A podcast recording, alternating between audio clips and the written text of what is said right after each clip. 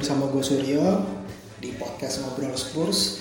Eh, kali ini gue mau ngebahas soal pertandingan yang baru aja berlangsung ya, pertandingan lawan Olympiakos. Pertandingan pertama kita di Liga Champions musim ini yang eh, hasilnya imbang dua sama. Eh, kalau gue melihat respon dari orang-orang ya di sosial media secara sekilas eh, hasilnya mengecewakan menurut mereka ya. Tapi kalau gue personal ya ya udah ini bukan hasil yang bagus udah kita uh, terima dan kita move on gitu ke uh, laga-laga selanjutnya gitu. Toh ini masih laga pertama dari uh, 6 laga di Liga Champions gitu. Ya belum bisa mendefinisikan musim kita di Liga Champions lah gitu.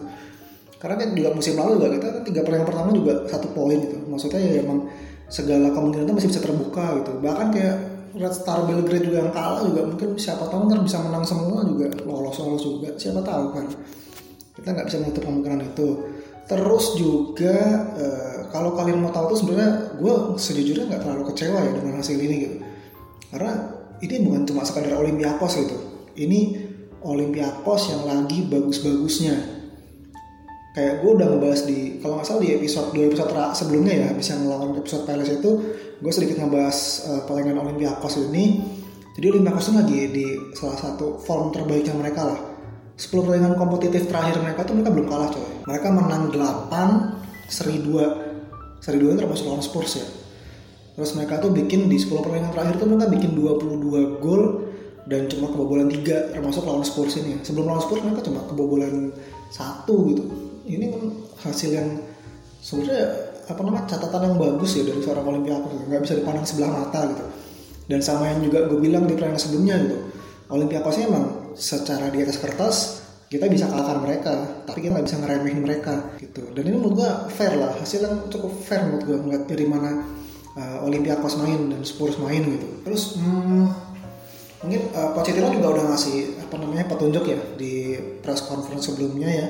Uh, dia bakal merotasi pemain-pemainnya karena ya emang gue sejujurnya mungkin agak berat tapi gue bisa memahami itu. Kenapa? Karena ya emang Spurs ini lagi menghadapi periode padat gitu. Mereka tuh bakal menghadapi 7 pertandingan dalam sejangka waktu 21 hari gitu. Ya kasarnya lo main tiap tiga hari sekali gitu. Dari mulai dimulai dari lawan Peles kemarin gitu. Peles Olympiakos. Nanti kita Sabtu main lagi Rabu main lagi terus Sabtu main lagi terus minggu depannya lawan Munchen lagi. Ini bakal padat banget gitu. Dan kita tuh masih awal musim kita tuh nggak bisa apa ya membahayakan squad kita sendiri lah gitu dengan kita bikin cedera-cedera uh, yang mungkin harusnya bisa dihindari atau apa namanya yang yang terburuk lah gitu. Ini emang periode pada tuh lu harusnya waktu memaksimalkan kedalaman squad pemain lu gitu. Kita di musim-musim sebelumnya kan selalu mengeluh Spurs ini nggak punya kedalaman squad yang oke okay, gitu. Sekarang kita punya kedalaman squad yang cukup bagus menurut gue ya. Ya kita harus bisa memaksimalkan ini gitu. Lu nggak bisa expect kita bakal starting sama terus kayak kita lawan Peles gitu jadi ya emang sebenarnya uh, jelas nih kualitas squadnya di bawah yang lawan Peles terutama di sektor uh, fullbacknya ya. Cuma gue bisa memahami dan bisa menerima gitu kalau gue ya.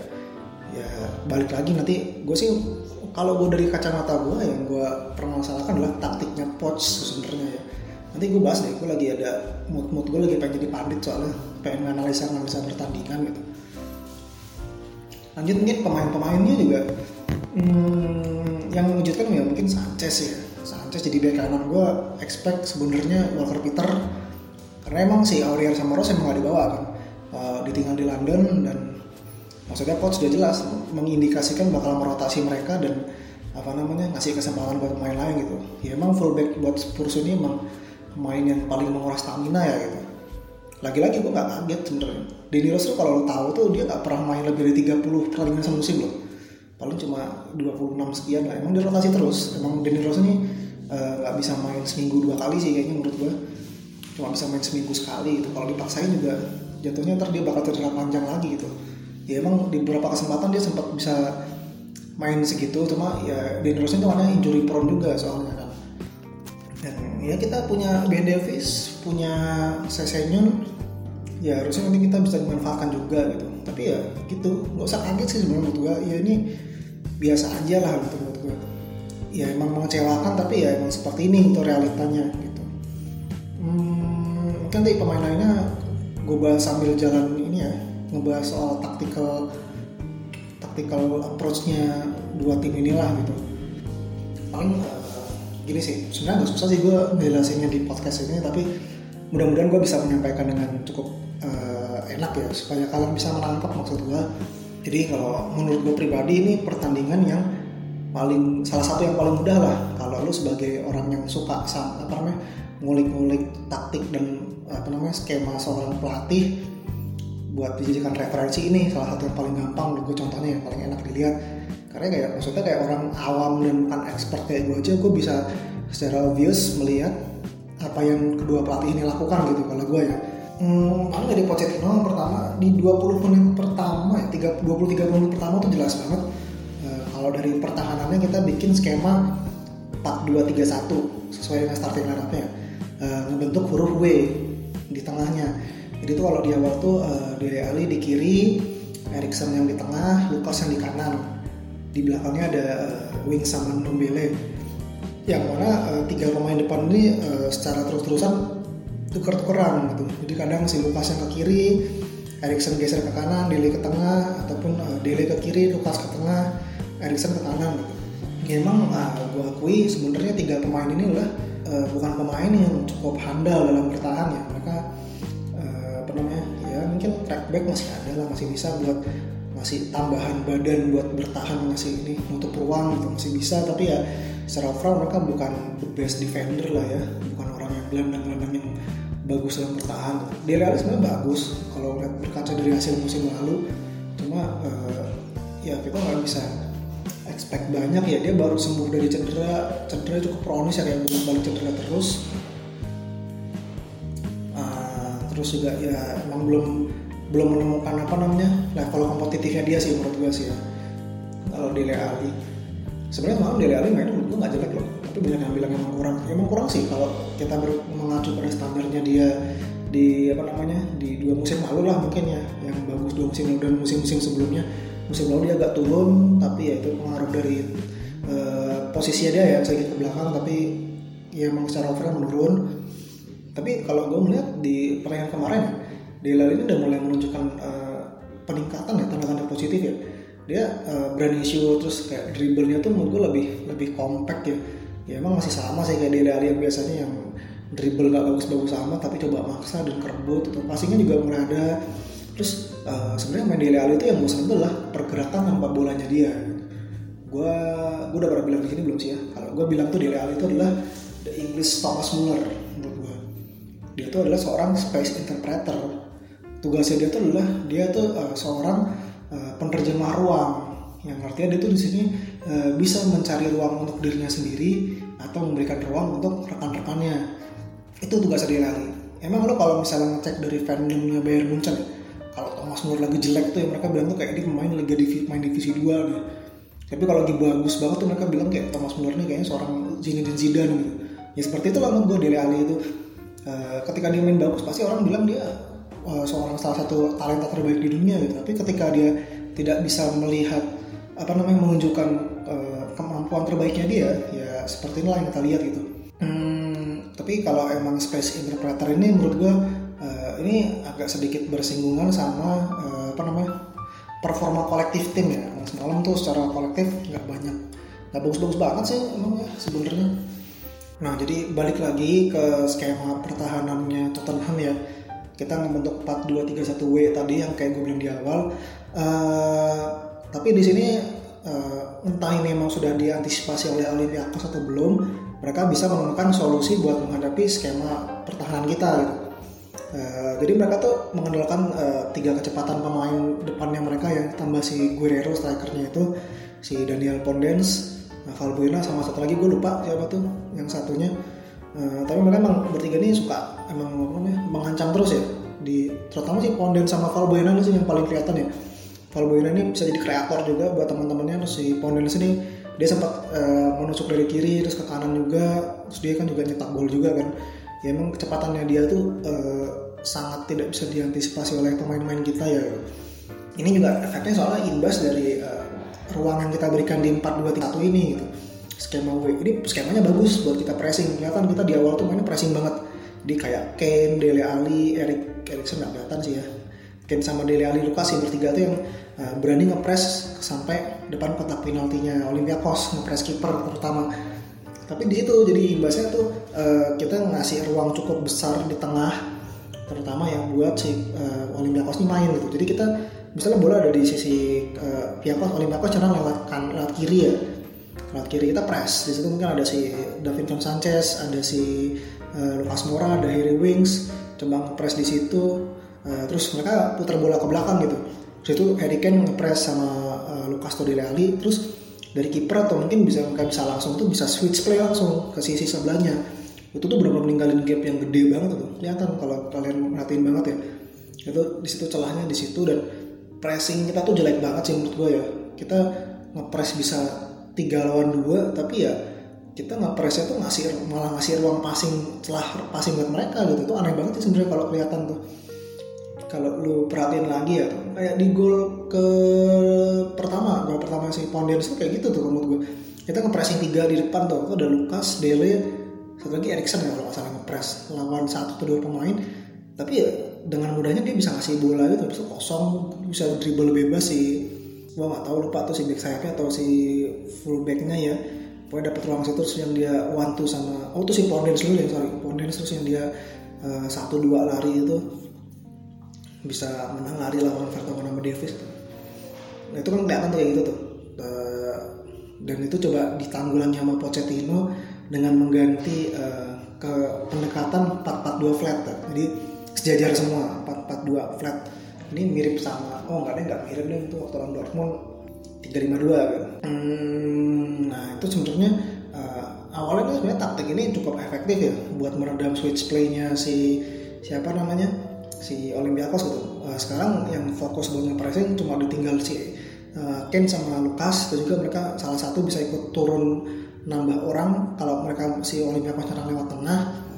Tapi di sini problematikanya adalah si 4-4-2 flat ini bakal efektif kalau kita punya uh, back sayap dan uh, orang yang jaga di kanan ini uh, punya skill atau apa namanya kecepatan lah kecepatan yang sama dengan lawan kita gitu. Yang ini yang menurut gue nggak ada gitu. Jadi karena mereka flat ini buat nembus antar lininya tuh gampang banget antar lainnya itu. Ya lu tinggal anggap apa namanya kasar itu tinggal tinggal aja adu lari aja lah gitu. Selesai udah gitu. Itu yang dilakukan Olympiakos kemarin tuh. Jadi kita nggak menemukan solusi di situ gitu sebenarnya menurut gue ya. Di babak kedua mungkin uh, sedikit berubah tapi nggak banyak berubah ya di babak kedua. Uh, kita cenderung sebenarnya babak kedua kita balik lagi ke pendekatan 4-2-3-1 uh, cuma mungkin uh, determinasi sama apa namanya agresinya sedikit dinaikkan uh, jadi benar-benar pressingnya dipadetin lagi dikencengin lagi benar nggak ngasih celah. Tapi sebenarnya kita masih kecolongan juga gitu kelihatan tuh sampai kita kebobolan tuh. Nah mungkin udah menit-menit sampai menit 70 70-an tuh juga menurut kita masih keteteran banget tuh. Mungkin agak kendor uh, setelah Valbuena ditarik ya cuma Valbuena juga menurut gue udah stamina faktor stamina juga. Hmm, jadi mereka emang si Olympiakos ini udah Uh, karena mereka mainnya full burst banget ya, main speed banget jadi uh, agak sedikit dimaklumi kalau mereka emang sudah habis itu dan kita gantian mereka coba uh, ngincar counter. Ngincar counter attack gantian kita yang dikasih nyerang maka yang counter emang dua-duanya sama-sama nggak berjalan ya serangan kita nggak berjalan. Apa namanya counter mereka juga nggak jalan. Di sisi lain uh, penyerangan Spurs ini jelek sih menurut gue semalam gue lebih concern ke penyerangannya ini sih karena benar-benar nggak ada kreativitas sama sekali itu Erikson yang diharapkan bisa jadi outlet kreativitas Spurs semalam benar-benar literally mengozilkan diri gitu menghilang dia tuh semalam itu. Bahkan gol kedua juga menurut gua salah besar itu di Erikson gitu. Dia mengubah suatu apa namanya situasi counter attack yang bagus ya itu itu kalau perhatiin kan gol kedua itu kan si siapa namanya Wings menang bola terus Dele Alli dia antara mau clearance atau mau ini kan passing ke Erikson opsinya. Dia itu nggak bisa opsi ke passing ke Benevis karena Benevis lagi di kotak penalti juga. Bawa bola lebih goblok lagi.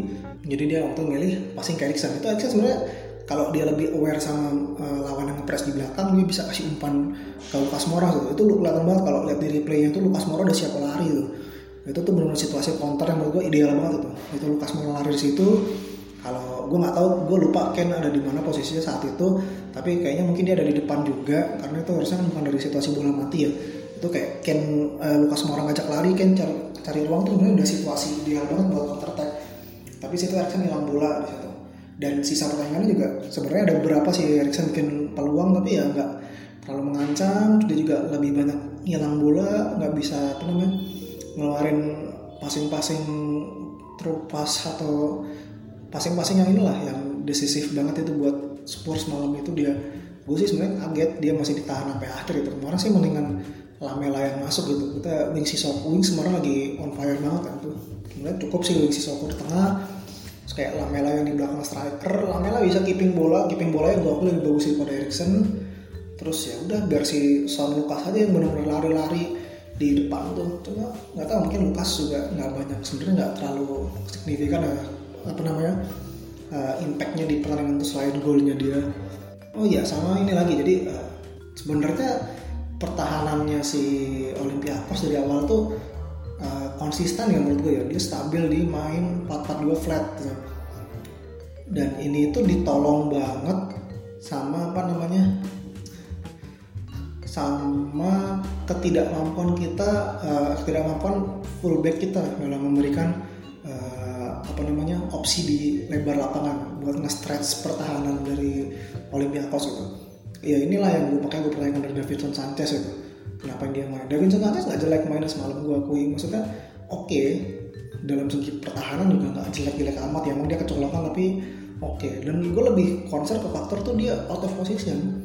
Dia bukan fullback memang udah jangan dipaksain lah udah main fullback lah gitu. Mending si Soko kalau memang kepepet itu lebih baik si Soko di situ nah itu gue nggak ngerti sih makanya Pochettino maksudnya ada kayak Walker Peter tapi nggak tahu mungkin kalau Walker Peter emang belum 100% fit mungkin ya mungkin. Kita kan nggak tahu. Atau emang ini sepenuhnya tactical decision dari Pochettino yang lagi-lagi absurd ya. Ya ini absurd banget ini lebih absurd daripada Son Heung-min back sayap dari wing back kiri itu menurut gue sih.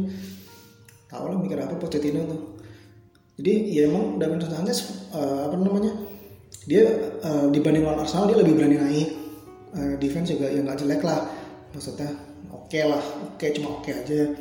Depan berani tapi ya dia nggak bisa apa namanya take on serangannya dia nggak bisa crossing shooting apa lagi. Jadi ujungnya dia dapat bola. Ya Olympiakos sih cuma kasarnya cuma uh, apa namanya ngebayangin aja jagain dia doang kayak nutup ruangnya dia. Nanti juga ujungnya Sanchez ngoper ke belakang gitu. Enak kan defense kan? Beda mungkin sama lu kalau pakai Aurier kemarin lah. Lu Aurier kemarin memang harus bener closing down dia banget gitu. Jadi Aurier bisa narik dia ke pinggir lapangan banget terus lu bisa kasih celah gitu. Kalau Aurier bisa lewat ya dia bisa kirim crossing atau dia bisa nusuk sendiri gitu. Kalau enggak ya kan tinggal passing ke tengah dan kasih ruang gitu. Beda sama ini Sanchez. Jadi kayak lu ya udah lu diam aja di ujung si sudutnya kotak penalti itu juga udah aman deh kasarnya.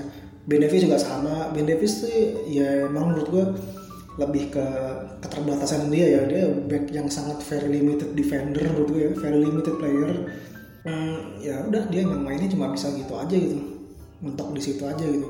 Tapi mungkin uh, sebenarnya gak jelek. Davis gue main yang lebih ada otaknya ya. Karena kita nggak boleh lupa coy Ben Davis pernah jadi sebelum siapa namanya? Andrew Robertson. Andy Robertson ini terkenal tuh ada Ben Davis sebenarnya. Ben Davis tuh diam-diam tuh dia waktu musim yang Denny Rose cedera panjang tuh dia back dengan kreasi umpan terbanyak loh di liga loh jangan salah hati-hati. Memang dia sebenarnya lebih cerdas sih maksudnya dia tahu dia bisa kirim apa namanya kayak early cross bukan early cross siapa sih namanya kayak crossing dari satu line di belakang kotak penalti itu dia bisa kirim crossing gitu. Ya emang gak bagus-bagus banget tapi ya bisa kasih peluang dari situlah. Dia juga bisa memposisikan diri lari ke ujung terus kirim crossing. Bisa nggak bisa gue cek sih sebenarnya dia tapi ya kadang-kadang kalau dia emang lepas pede ya dia berani sih kayak gitu. Ya penempatan posisi dia sih sebenarnya buat dia lebih cerdas karena dia tahu dia tuh nggak bisa menang di speed jadi dia harus menempatkan posisi dia dengan lebih baik gitu dari pemain lawannya. Ya mungkin semalam dia berusaha seperti itu tapi ya Ben Davis ini udah cukup lama tidak apa namanya tidak bertanding di level kompetitif ya dia bisa operasi juga kan. Dia pas preseason agak telat baliknya tidak bisa full preseason karena bisa operasi juga dan dia musim lalu juga ngomong dia permainan dia itu terhambat sama cederanya dia. Tapi itu aja. Mungkin uh, Sesenyon juga mungkin nanti bisa mengisi situ juga kita tunggu aja lah. Vertonghen juga secara mengejutkan mainnya nggak bagus ya. Ya oke okay sih maksudnya dia nggak jelek nggak bagus awalnya tapi ya gue nggak tahu ya gol ketiga gol pertama sebenarnya kalau gue tonton lagi ya itu salahnya Ndombele sih menurut gue ya. karena uh, pas si siapa namanya tuh? Ya si siapa namanya? Pondens Daniel Pondens itu gue lupa ya kan si Daniel Pondens atau si back sayapnya tuh yang dapat bola pertama itu itu tuh bener dapat ruang gede banget tuh. Dia entah mau mau crossing langsung mau terobosan ke depan itu atau mau lu mau ngedrive itu ruangnya gede banget gitu situ.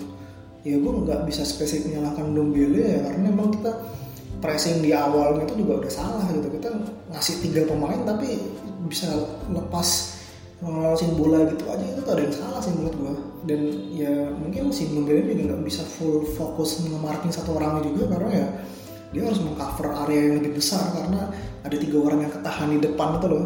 Ya itu berantai sih. Makanya gue nggak nggak pernah berpikir kecuali yang benar-benar obvious banget ya yang error leading to goal itu ya kayak Van Dijk yang melawan Napoli ya gue gue nggak pernah bisa spesifik menyalahkan satu pemain kalau kita kebobolan. Pasti ini kalau lihat lagi tuh ada kesalahan kolektif di baliknya ini gitu sama tadi kayak gol kedua yang gue bahas kan tuh ya ada salah satu parameter Erikson gitu. Terlepas dari emang tuh suatu foul yang bodoh dari Vertonghen ya menurut gue ya. Sebenarnya maksudnya Vertonghen gue nangkap sih cuma emang dia nggak tahu kakinya iseng atau gimana tuh bisa nyangkut kayak gitu. Terus apa lagi ya? Yang bisa gue bahas ya tapi ya udahlah maksudnya uh, secara taktikal gitu aja lah. Panjang juga ya gue ngebahas taktik ini ya jadi pandit ala ala siapa tahu uh, siapa namanya Coach Justin mau nge, nge apa namanya ngerekrut gue gitu. Kalau dia lagi nggak bisa siaran di Mola ya ilah ngarep terus hmm, ya ya udah sih. Kalau gue kesimpulan gue ya udah kita ini hasil yang oke. Okay. kita main away juga kok di sini maksudnya situasinya. Emang sih maksudnya kalau lo emang uh, sebuah tim top ya harusnya lo bisa menang di sini. Tapi ya nggak bisa full menyalahkan juga ya emang si Olympiakos lagi riding on the momentum kita lagi apa namanya bad day in the office ya udahlah. Jadi kalau gue ya udah kita terima aja udah terus move on ke pertandingan selanjutnya gitu. Oh tapi mungkin tambahan gue satu ya uh, mungkin terlepas dari hasilnya apa kita tuh harus bisa lebih menunjukkan uh, kita tuh finalis coy. Kita tuh uh, tim yang musim lalu tuh jadi masuk final di Liga Champions gitu terlepas dari apa pun prosesnya tapi ya kita masuk final. Kita bisa dari final dan kita harus tunjukin itu gitu. Kita harus ya lo mungkin bisa lagi main jelek atau lagi apa namanya lagi apa sih namanya hmm, musuh lo lagi lebih bagus tapi lo harus punya determinasi dan semangat yang memang nunjukin kalau tuh emang finalis gitu. Itu sih paling hmm, dan biar nggak sedih-sedih lagi ya gue mungkin mau sedikit ngebahas hal-hal positif ya menurut gue ya. Tadi mungkin gue udah sebut di awal kayak uh, Dili Ali lagi main jelek tapi dia menunjukkan beberapa apa namanya tanda-tanda signifikan positif. Lombera juga yang bilang dia agak main bagus ya emang agak sedikit sloppy ya, agak sedikit ceroboh berapa kali lah possession. Dan emang lu kalau berarti lu ngeri banget ya lu kayak si gaya mainan Lombera ini. Itu kayak terlalu abstrak banget kayak cara keeping bola cara passingnya dia kayak postur tubuhnya itu kayak miring-miring segala mau passing tuh emang sebenarnya gak ngeri sih agak berbahaya dan dia di beberapa kali ya kayak passingnya nggak dapat terus kayak apa terobos apa namanya berapa kali hilang position kayak bingung sendiri pas kontrol bola itu tapi ya semoga ini bisa diperbaiki lah sama gitu. tapi nggak tahu sih Pochettino kan pernah ngomong di awal kayak Numbira itu lu boleh main kayak dengan gaya lu yang lebih street football gitu ya. Terserah apa dia pengen uh, kalau Numbira pengen tetap apa namanya keep gaya gini seperti itu silahkan kata Pochettino tapi gue ke sini malah serem sih. Nggak tahu sih mungkin ya Pochettino bisa lagi juga saya eh, gue tiba-tiba kepikiran pengen ngomong kan apa namanya? Saya kan kabarnya juga udah mulai kembali berlatih tapi ya mungkin kita masih lama lah kebutuhan dia. Gue agak pesimis minggu depan bisa ikut dilibatkan sama Colchester mungkin kalau dilibatkan juga maksimal di bench lah ya dia tapi gue bingung sih maksudnya Pochettino ini pernah ngomong sama di press gitu ya. Kalau dia tuh belum menentukan posisinya si uh, siapa namanya? Uh, Setenyo gitu dia ngomong dia belum tahu. Saya mau jadi apa mau jadi back atau jadi winger gitu. Dia ngomong kayak ya nih pemain punya potensi terus dia emang bisa di back kiri bisa agak lebih ke depan. Gitu. tapi gue masih belum putusin buat ini apa namanya? Buat uh, dia di posisi mana di Tottenham gitu. ya mudah-mudahan aja ya ini cuma uh, press conference yang apa ya yang apa sih namanya yang kita lah ya udah bukan artinya tuh Pochettino tuh mempertontonkan ke, ketidaktahuannya dia itu tapi ya gue gak yakin sih Pochettino so goblok itu itu kayak dia ngomong kayak apa namanya belum memutusin Pochettino si Sessegnon mau gimana ya udah balik lagi paling ke tadi di awal uh, catatan-catatan positif ya. Uh, meneruskan tren positifnya. Dia udah sekarang totalnya catatannya dia bikin 8 gol dan 2 assist ya di semua kompetisi untuk klub dan negara untuk Spurs dia totalnya 4 gol 1 assist di 6 pertandingan. Positif catatan positif banget. Menurut gue nih gue sebenarnya kaget sih tiba-tiba kan udah 8 gol ya musim ini gitu. Kalau misalnya kemarin dia nggak banyak cedera ya di uh, akhir musim lalu ya gue yakin dia sebenarnya bisa bercokol di posisi top top scorer kalender tahun kal eh, apa namanya per kalender year lagi sih kayak yang dia pernah pas 2017 itu. Itu sih. Tapi ya maksudnya nih ya udah biar gini aja udah biar under under aja. Kan tiba-tiba golnya banyak aja tapi emang kelihatan sih beda main Ken musim ini dengan musim lalu. Musim lalu dia kelihatan kayak lebih apa ya lebih conserve energinya dia lah gitu. Dia lebih banyak menyimpan tenaga dia nggak banyak lari dia kayak lebih kayak yaudah dapat bola dia bisa passing passing harus nggak lari lagi gitu. Dia kayak ngasih ke temennya kayak gue serahkan pada kalian untuk mencetak gol gitu. Atau enggak dia yang temanya depan dapat bola ya oke gue bisa nge-shoot gue shoot ya itu sedikit perubahan. Yang mungkin efek dia habis dapat proper preseason ya terus juga habis cedera juga dia banyak istirahat juga kelihatan banget kan ini kurang apa namanya kurang istirahat lah. Terutama di World Cup ya yang dia main banyak banget main terus kayaknya. Emang dia butuh istirahat. Kelihatan sih maksudnya juga yang beda juga kayak dulu musim waktu kita tuh jarang banget ngeliat Ken tuh pressing keeper gitu. sekarang dia berani pressing keeper gitu. Berani turun lebih ke dalam juga kalau emang dibutuhkan juga ya walaupun gue gak suka sebenarnya sih. Ken terlalu turun ke belakang. Terus jangan sampai dia jadi kayak Rooney lah tuh sayang banget. Buang-buang potensinya dia aja gitu. Dia udah paling benar tuh ditaruh sedekat mungkin sama gawang lah posisinya Ken tuh sebenarnya. Gitu. tapi banyak tanda-tanda positif. Juga ya semoga bisa diteruskan trennya itu. Terus Lukas Mora juga uh, gol ini bagus sih menurut gue itu juga ada peran dari Ben Davis tuh interceptnya bagus banget. Yang Ben Davis ya ini yang tadi gue bilang Ben Davis sebenarnya back cerdas. Tapi emang dia very limited player aja gitu ya. Lu harus bisa maklum gitu. Dan Ben Davis juga harus semakin pintar dalam apa namanya mengakali kondisinya dia yang sangat terbatas itu menurut gue sih gitu. Ya dia nggak bakal jadi kayak back top kayak Marcelo atau Roberto Carlos gitu sih kayak ya mimpi sih kalau dia mau kasih itu tapi ya uh, dia masih bisa jadi apa namanya decent team player lah. Buat rotasi atau mungkin buat uh, beberapa lawan dia masih bisa oke okay, sih menurut gue gitu sih. Ya tadi baru lagi tadi dia bisa motong bola di situ terus kasih bola ke Lukas tuh bola bagus gitu. Kayak ya Olympiakos mungkin tak-tak di situ sih. Apa namanya tidak menutup ruang tembak dari Lukas Moura gitu. Mungkin mereka kepedean atau mungkin mereka emang skip ya nggak tahu lah. Tapi dengan catatan golnya itu ini sebenarnya keren sih strategi Lukas Moura. Dia tuh di Liga Champions buat Spurs sudah bikin uh, eh, 6 gol ya. Total tuh kalau salah dia bikin baru bikin 9 ya. 3 buat PSG 6 buat Spurs.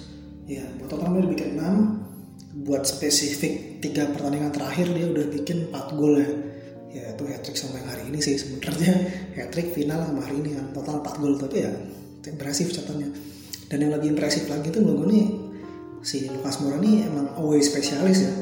Di Liga Champions musim lalu tuh dia bikin gol tuh di tiga pertandingan ya lawan PSV yang uh, eh, PSV yang pertandingan kedua ya.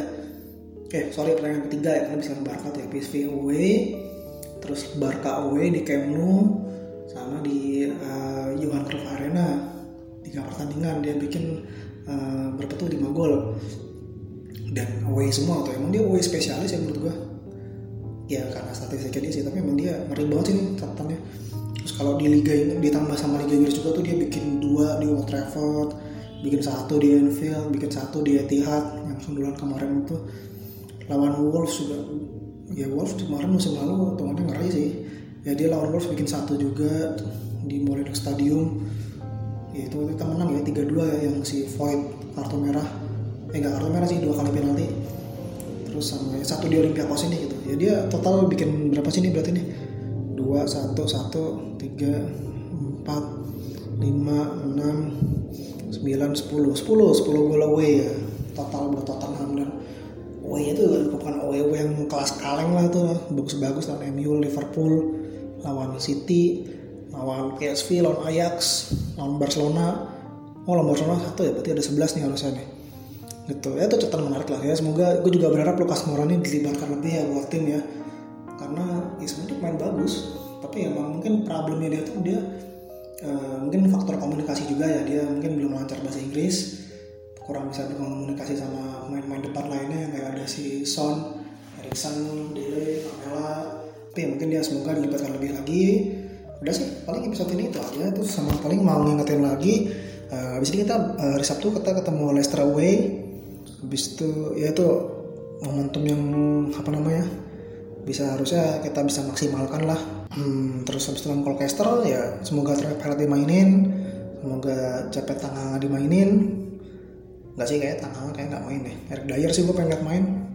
Kayak udah lama banget nggak liat Dyer main tuh terus habis itu kita ketemu Southampton di kandang.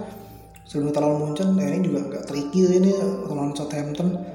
Lawan maksudnya kita lawan Southampton di kandang gue takutnya sih Pochettino kayak gini lagi sih maksudnya kayak penyakit yang Guardiola tuh sih yang over over cautious terlalu apa sih namanya terlalu berhati-hati ya dia banyak ngerotasi pemain terkalah lagi. Musim lalu juga kalah kan kita lawan Southampton dua satu tapi selawanya empat hari mungkin bisa lah. Habis itu kita muncul kandang lawan Brighton gitu. Ya karena kita hari ini udah seri sih. Gue berharap lawan muncul kita bisa menang sih ya. Main di kandang ya harusnya bisa sih harusnya ya. Biar uh, apa namanya nggak berat lah jalan kita di Liga Champions ini. Karena bisa kita kalau nggak kita bakal away dulu atau home dulu ya? Home dulu deh lawan Red Star tuh ya.